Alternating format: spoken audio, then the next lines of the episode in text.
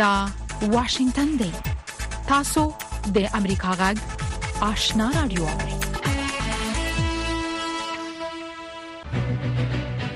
قدرمن اوریدونکو السلام علیکم زه شافیا سردار یم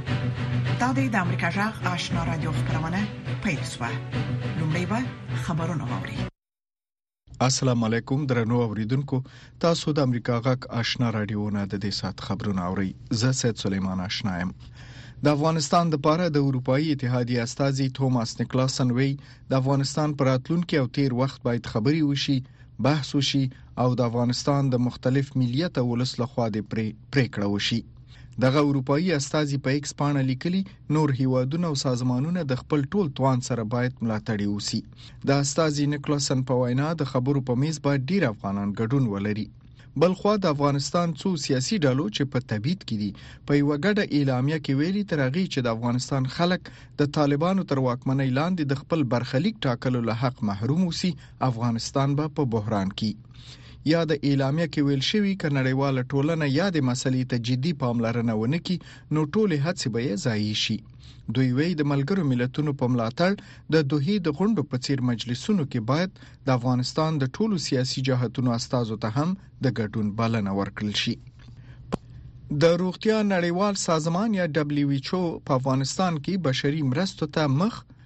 په زیاتیدونکي اړتیاو او په دغه هیواد کې دوامدار بشري بحران ته په اشاره ویلي چې په روان 2040 کال کې به د افغانستان روغتيایي سیستم د ننګونو سره مخ وسی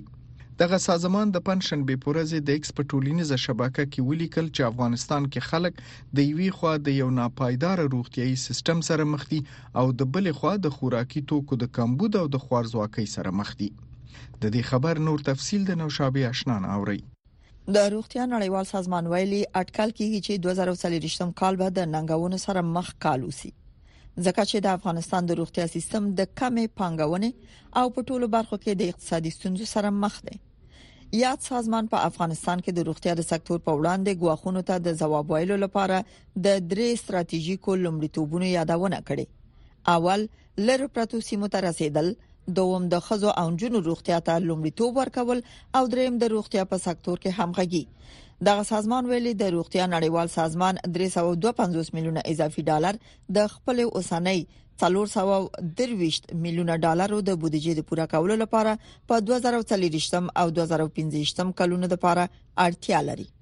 ناشاباشنا امریکا غاک واشنگتن تاسو د امریکا غاک آشنا رادیو نه د افغانستان سیمه او نړۍ خبرونه اورئ د چمن په پوله د تیر کال اکتوبر شلمې نیټې راهیسې په پوله په پاسپورت او ویزا د تګ راتګ پر ضد احتجاجي پرلت دوام لري دغه اعتراضیه مظاهره ته په وینا کې د پښتونخوا ملي عوامي ګوند مشر محمود خان اڅکزي ویلي که حکومت د چمن د احتجاج کوونکو غوښتنې نه مني نو د سیمې د ولسی لخکرو سره به د ډیورن په کرخه لګیدلی اغزن تار ته لاس واچي او بیا یې چې د پاکستان حکومت ورته کومه سزا ورکي هغه ورته تیار دی محمود خان اڅکزي د چهارشنبه په ورځ په چمن ښار کې د تیرو څلورو میاشتو څخه دوامدار احتجاجي پرلت ته ورغلی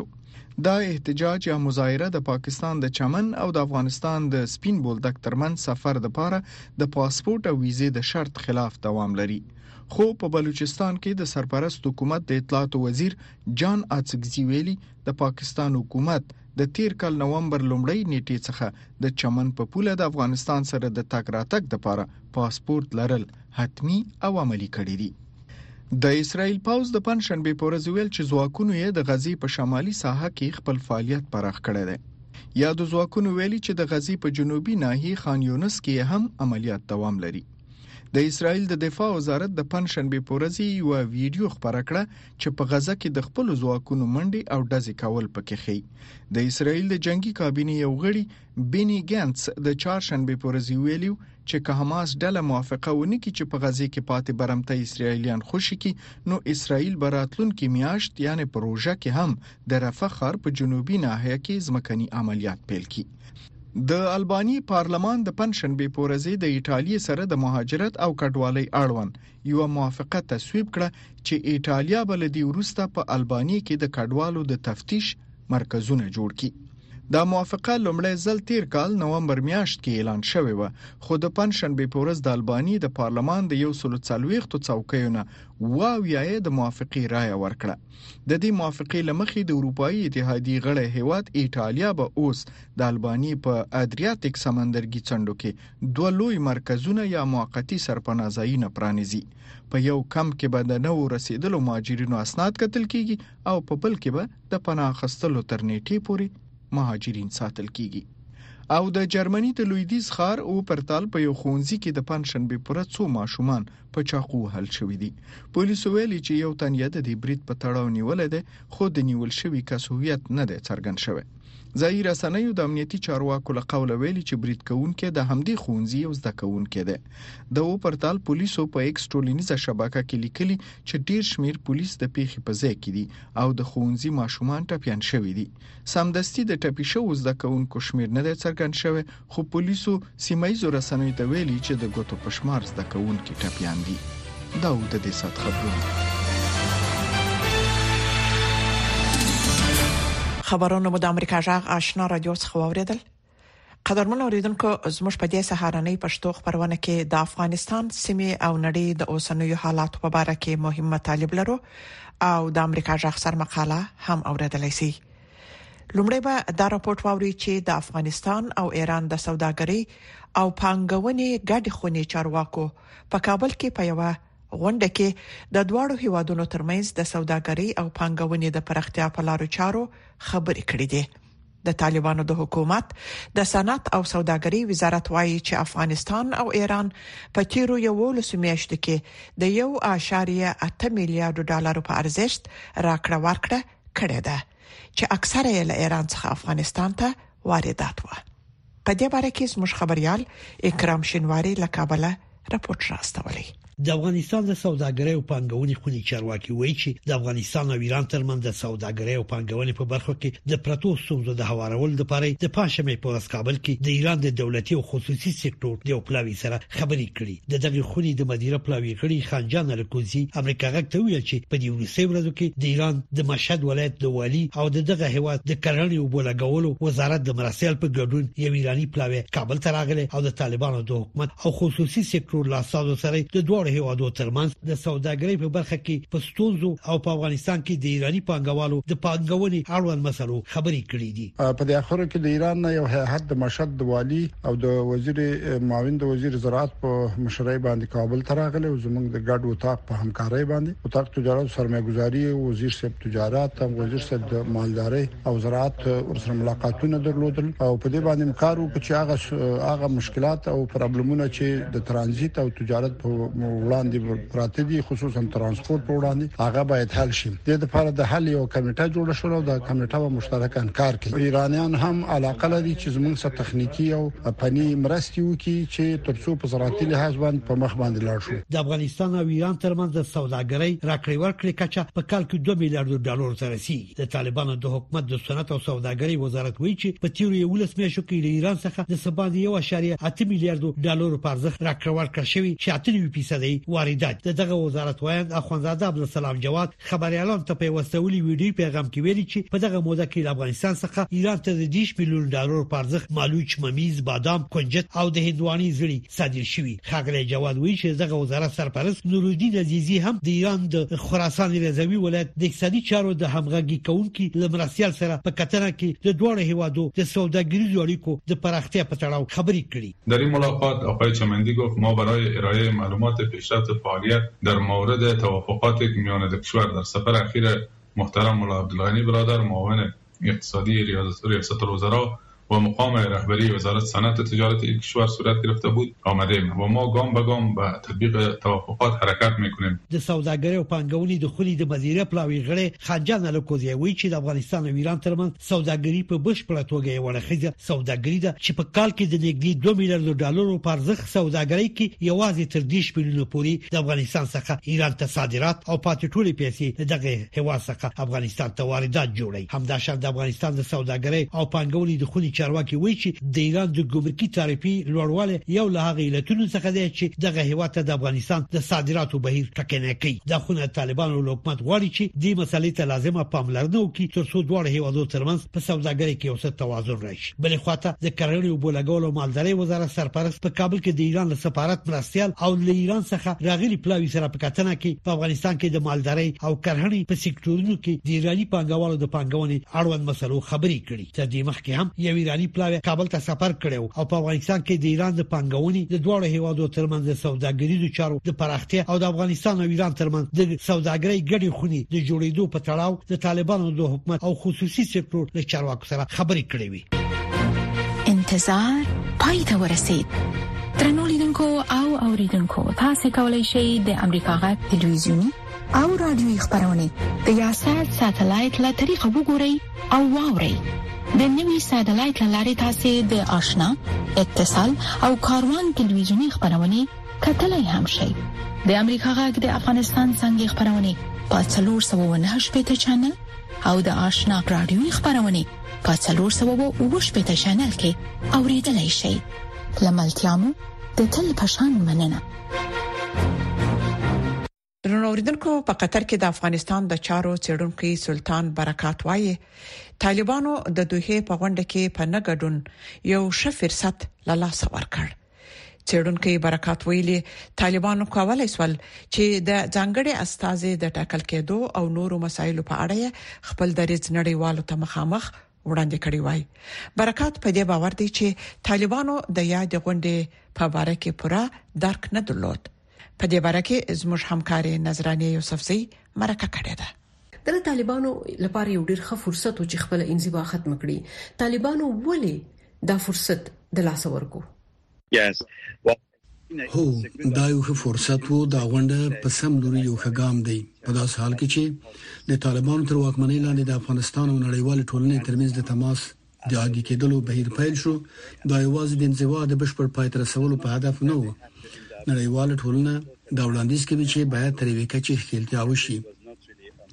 زه فکر کوم چې دا یو له لاسه ورکړل شوی فرصت و چې دوی کولای شول چې مخامخ لیدنه وکړي او د یو شمېر مسألو په اړه خپل دریځ څرګند کړي وای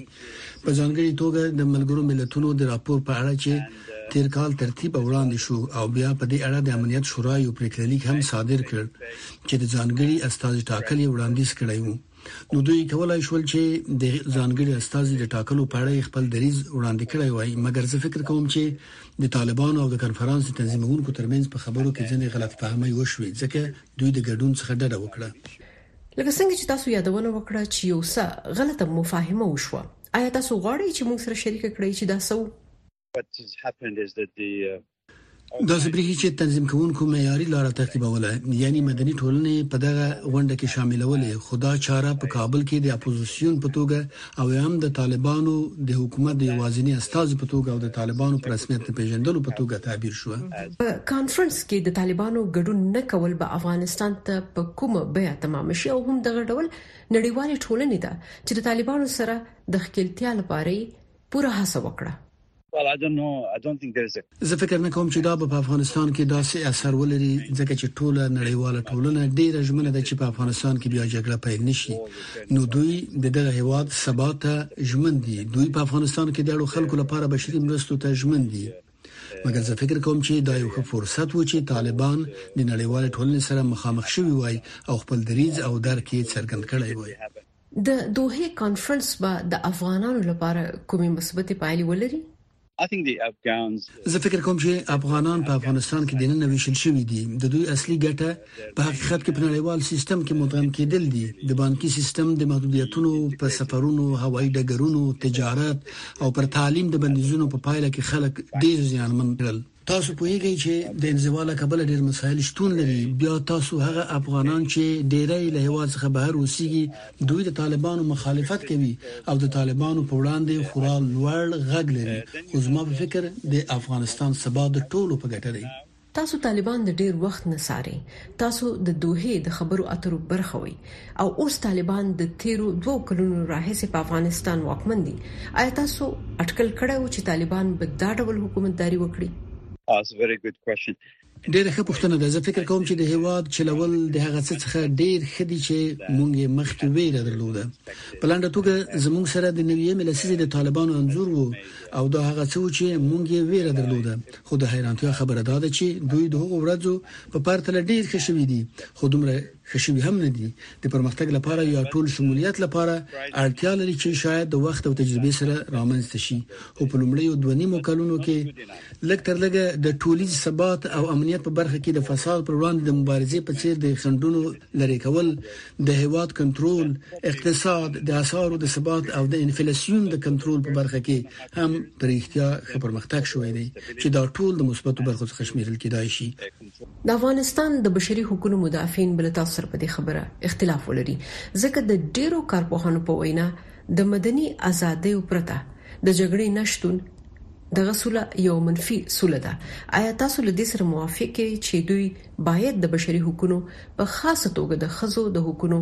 او اقلیتونو د حقونو درناوی وکړي؟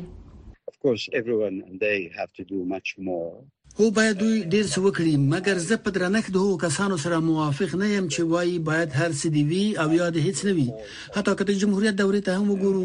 د ازادۍ په برخه کې ځینې مسئلې وې د بیان د ازادۍ ځینې مسئلې وې چې د بشري حقونو سازمانونو ورته پام کړی او وضعیت یې هیڅکله ښه نه و خو اصلي مسئله د جګړې د پای ده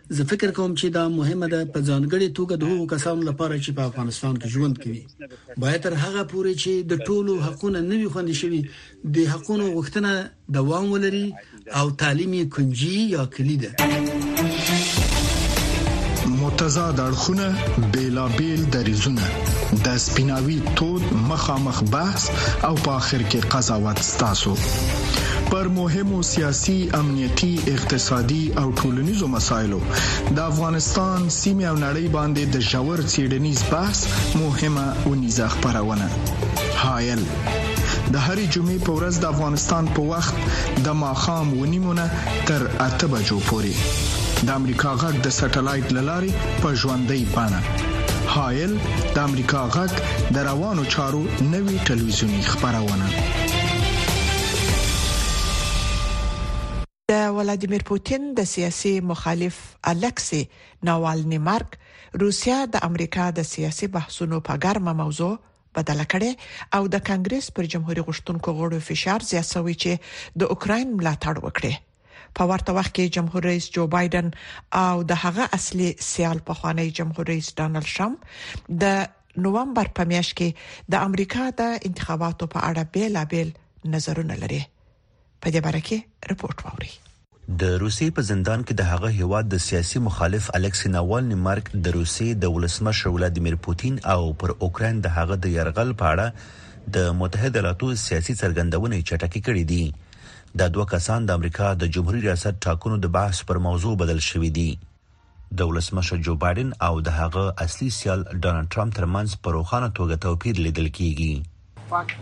حقیقت دا دی چې پوتین مسؤل دی. که هغه دا امر کړی وي، هغه په دغه شان وضعیت کې د دغه کس د واقع کولو مسؤل دی او دا وضعیت ښیي چې هغه څوک دی.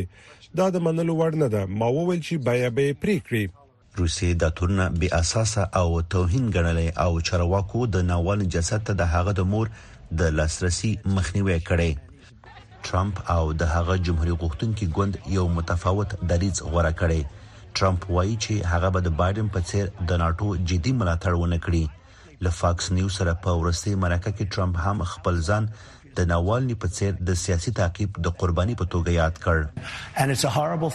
دا وحشتناکه ده خو دا زموږ په هیواد کې هم پیښیږي موږ په ګڼو لارو په یو کمونیستي هیواد بدلیږو که تاسو وګورئ زه یو مخکښ کاندید یم ما مخکې د تورن کېدو په اړه نه دی اوریدلی زه څلور ځلې تورن شوم اته یا نه محکمې لرم تاسو پر دې پوهیږئ چې دا ټولي ځکه دي چې په حقیقت کې زه په سیاست کې یم په اوکراین د روسیې د جګړې په اړه د ټرمپ نظر ناڅرګند و، پر ځای یې وویل، که دی ولسمشر وای، پوتین به هېڅکله پر اوکراین یرغل نه وای کړی. جمهوري غوښتونکي پوښتي چې ولې دوی باید د جګړې مالي ملاتړ وکړي؟ د روسیې ځواکونو په دې وروستیو کې یو کلیدي ښار نیولی دی، سپینې ماڼۍ د ثبوت په توګه ورته اشاره کړې او د اوکرایني ځواکونو سره یې د بېړنۍ مرستې غږ کړی دی. یو شمېر جمهوري غوښتونکي ډاډه دي چې د پنځه نوي میلیارد ډالرو د مرستې بسته چې ډېره برخه یې اوکراین ته ځانګړې شوې، تصویب کړي. فکر کوم د اروپا او متحدو ایالتونو سوکه ځواب به اوکراین ته زیان واړوي، نو موږ نشو کولای اجازه ورکړو چې داسې وشي، ولې موږ غواړو چې یو څه وکړو. په ورته وخت کې جګړې ډېر ارزښت پیدا کړی دی. دا اوس د امریکا په اړه ده. آیا امریکا به د خپل ځواک په اړه رول ته دوام ورکړي او خپل ژمنې به وساتي، خپل متحدینو ته به درناوی وکړي او د ځواک د ایجادولو وړتیا لري او یا امریکا د یو جدي ځواک په توګه پای ته رسیدلې؟ دا اوس یو پوښتنه ده، نوره د روسیې او اوکراین په اړه نه ده. مسکو او واشنګټن له یو بله تقریباً اته زره کیلومتره لرې دي، خو دا چې متحد ایالت د نومبر میاشتې ټاکنو ته ورنږدې کېږي، د بل هر وخت په پرتله د دواړو برخلیک سره تړلی دی. رپوټونو ته دوام ورکوو. ډاکټران په زیاتیدونکې توګه د ناروغانو په معایناتو کې د مصنوعي ځیرکتیا څخه ګټه اخلي، څو مرض معلوم او چاره یې وکړي. په طبابت کې د مصنوعي ځیرکتیا کارولو یو لړ اندیشنې هم راپارولې دي چې دغه ټیکنالوژي تر کومې کچې وده کولای شي نور تفصيل پر رپورت کې واوري د جان هاپکینز په پانتون کې چیډونکو د ناروغانو لپاره په خدمتونو کې د بدلون هڅه کوي دوی اوس د یو ناروغ د زړه ډیجیټلي بڼه جوړولای شي. په دې توګه، متخصص د مصنوعي ځیرکتیا په مرسته د دې وړتیا لري چې پوه شي کوم مریض د زړه د درېدو د سملاسي خطر سره مخ دی. پروفیسره ناتالیا تریوانووا وايي چې دغه ټیکنالوژي په طبي او تشخیصیه پرېکړو کې ډېره مرسته کوي. موږ غواړو چې کله ډاکټر د ناروغ د درملنې په اړه پرېکړه کوي، نو زموږ د ډیجیټلي وسیلې نه کار واخلي. دوی چې کله غواړي پوه شي ناروغ په کوم وضعیت کې دی او یا ناروغ د کومې بده پایلې سره مخ دی نو دوی د زمونږ د مصنوعي ځیرکتیا وسیله وکاروي د روغتیا د نړیوال سازمان په حواله د زړه ناروغي په نړۍ کې د مرګونو یو لوی لامل ده د نورو انزورونو په پرتله د زړه بشپړ انزور د ژر معلومول شي چې کوم ناروغ د فریبلاتور ماشين ته اړتیا لري نو موږ دغه ډول مشخص الګوریتمونه رامنځته کوو چې د ناروغ وضعیت ښه بیانول شي ډاکټر وکټور ویلکولسکو د جان هاپکینز پوهنتون د سرطان په څنګه کې په چړونو بوخت دی څو د سرطان علائم ژر ومومي اوسنۍ ټکنالوژي د دې کار د کولو وړتیا نه لري نو موږ باید په نوې لارو چارو غور کړی وای کوم څه چې موږ جوړ کړي یو ښه ټکنالوژي ده ډاکټر ویکټور وايي چې د وینې سمه معاینه د سرطان په موندلو کې ډېره مرسته کوي. دلته یو فکر دا دی چې د وینې یوه عادي معاینه کولای شي د هغو خلکو تشخیص زیات کړي چې د سرطان نښې لري او دا ورسره مرسته کوي چې خپل نور معاینات سر ته ورسوي. په طبابت کې د مصنوعي ځیرکتیا کارولو یو لړ اندېښنې هم زېږولي چې څنګه په دې برخه کې ټکنالوژي ته وده ورکړل شي. او د پولیو پر ضد د مبارزې مسولین وایي چې اوس یې زیاته پاملرنه د حفظ الصحې برخې ته کړې دوی زیاتوي چې د پولیو د ناروغي د رامنځته کېدو یو سبب ناپاک چاپیریال دی نور حال د صدیق الله صدیقي پر پورت کوي په جنوب کې د ګوزڼ ناروغي پر ضد د مبارزې ګډ کاری ټیم وایي چې د ګوزڼ ناروغي د مخنیوي لپاره د شخصي او محیطي پاکوالي مسله اوس په لومړیتوب کې ده په جنوب کې د پولیو پر ضد مبارزې د مرکز مسول ډاکټر جمال الدین وایي چې د ټولنې د عامه پوهاوي برخه کې ډیرو کارو ته اړتیا ده او زیاته پاملرنه روان کال دې برخې ته کیږي دی زیاتوي چې له دې لارې هڅه کیږي چې ټولنه په عمومي توګه د ماشومانو واکسین حفظ الصحي او تغذیه ته اړینه پاملرنه وکړي د ټولنې د عامه پوهاوي برخه کې ډیر کارونه ته اړتیا ده ترڅو په ټولنه په عمومي توګه د خپل ماشومانو واکسین حفظ الصحه او تغذیه ته جدي پاملرنه وکړي یعنې ډېر تمرکز هم په روان کال کښې په دغه برخو دی. ډاکټران وایي چې ناپاک چاپېریال د هوا په وسیله هغو ماشومانو ته په تېزۍ د ګوزڼ وایروس انتقالوي چې د بدن مقاومت یې د ناروغیو پر وړاندې کمزوری وي. په تېرو کلونو کې د جنوب په هغو سیمو کې د ګوزڼ ناروغۍ ډېرې لیدل شوې وې په کومو سیمو کې چې شخصي او محیطي پاکوالي ته پاملرنه لږ وه. دغه راز یاده ستونزه د ځینو نورو ناروغیو د خپرېدو لامل هم بلل کېږي. موږ تر ډېره هڅه کوو چې د پولیو تر څنګ هغه څه چې د پولیو د رامنځته کېدو لامل ګرځي یا په اصلاح د هغه تر ټولو مهم حفظ الصحه ده چې موږ خلک د حفظ الصحه په ګټو باندې پوکو ورته وایي چې په دې برخه کې پاکوالي مراد کوي ټیټ اقتصاد او د کورنیو نه پاملرنه د ماشومانو د شخصي حفظ الصحي په برخه کې لوی خنډ بلل کیږي خو د نوموړي ستونزې د حل لپاره د واکسین له پروګرام سره پر یو وخت نړیوال مرسته کوونکې ادارې اړمنو ماشومانو ته د حفظ الصحي توکي ویشي د اوس په امریکا ژغ سرمقاله ووري چې د امریکا د حکومت رسمي نظر د بهرنی چار وزیر انټونی بلینکن البانیه ته د خپل سفر په ترڅ کې له متحده ایالاتو سره د هغه هیواد د پیاوړې ملګرتیا ستاینه وکړه بلنکن په ځانګړي توګه دا خبره یاد کړه چې البانیا ان له لومړی ورځې نه د اوکرين یو غختلې ملاتړ کوونکې هواد ده البانیا ته هغه لومړی هوادونو له جملې نه و چې د روسیې د تیری په محاله پوځي مرسته چې ټوپکونه مهمات نقلیه وسایط چې د ماينونو په وړاندې مقاومت کولای شي شامل دي ورته واستوله او دا وخت له اوکرين سره د ملاتړ او امنیتي مرستې په حساب د لاسو ملکونو له جملې نه یو هواد دی بلنکن ویل چې الباني د ناتو په تړون کې د خپل 15 کلن غړیتوب په موده کې د دغه تړون په پیاوړي کولو کې فوق العاده ونډه اخیستې دي د متحده ایالاتو د بهرنیو چارو وزیر زیاته کړه چې د الباني پوزونه د ناتو پر ختیځ لوري باندې د روسي د تیری ډب کول لپاره په کوسوو کې د سولې په ساتلو کې مرسته کوي تمه ده چې البانیا به بل میاش په کاکوف کې د ناتو یو هوایي اډه پرانیزي بلینکن ویل چې البانیان او امریکایان په افغانستان او عراق کې اوګه پوګه وجنګیدل البانیایي پیلوټان امریکایي ساخت بلیک هاک هلیکوپټر الوزي او د متحده ایالاتو د پاوز ځانګړي ځواکونه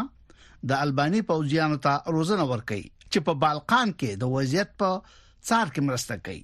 د الباني پر کلیدي زیربناو د ایرانیانو د ورستیو سایبری بریدونو وروسته متحده ایالاتو له الباني سره په سایبری دفاع او د ټکنالوژي د بهتر کولو په منزور د تخنیکی وسایلو په غښتلي کولو کې مرسته وکړه چې په راتلونکي وخت کې د دغه شان سایبری بریدونو د دفع کولو توان پیوړی شي بلینکن په البانیا کې د انصاف لپاره د ریفورمونو د ودې په غرض د متحده ایالاتو د حلزلو په لړ کې د هیواد د کلیدي قاضیانو او څارنوالانو سره وکتل نو موږ ویل چې موږ به په دغه حالو ځل کې د البانیې کلک ملاتړ کوو چې دا له اروپאי یووالي سره د الباني د ملګرتوب په لور کلیدي ګامونه دي چې باید واخیستل شي او هغه څه دي چې د الباني خلک حقدار دي بلنکن ویل دیموکراسي ګانې اوس هم د ناسمو معلوماتو د خبرېدو په وجه غوښل کیږي چې د بې اتفاقۍ درامنځته کېدو او د باور د نابودۍ سبب کیږي متحده ایالاتو او الباني دواړو د معلوماتو په برخه کې د درواغو او خطرناکو معلوماتو ډب کولو په مخه د یو پیاوړي ایکوسیستم د جوړولو په خاطر یو ګډ اپروچ یا روش غوړه کړې د متحده ایالاتو د بهرنی چارو وزیر انټونی بلینکن د اقتصادي ودې په اړه ویل چې له 2019 میلادي راهیسې په البانیا کې د امریکا پنګونه درې واره لوړ شوې او په داسې حال کې چې د سوداګرۍ چاپیریال بهتر کیږي نور به هم وده وکړي زمنګ کمپنۍ ګانې په البانیا کې د ابي برښنا باد او په سولري یا لمریزو پروژو کار کوي دا به په البانیا کې د انرژي د تولیدولو لپاره د مختلفو سرچینو او زیرمو نه په استفاده کې مرسته وکړي انټونی بلینکن ویل چې متحده ایالات پر اتلونکو کلونو کې له البانیا سره د خپل غښتلې انډیوالۍ لا پیاوړي کولو ته ژمن دي تاسو د امریکا د خبرو په اړه واورېدل چې د امریکا د حکومت رسمي نظر څرګند کړ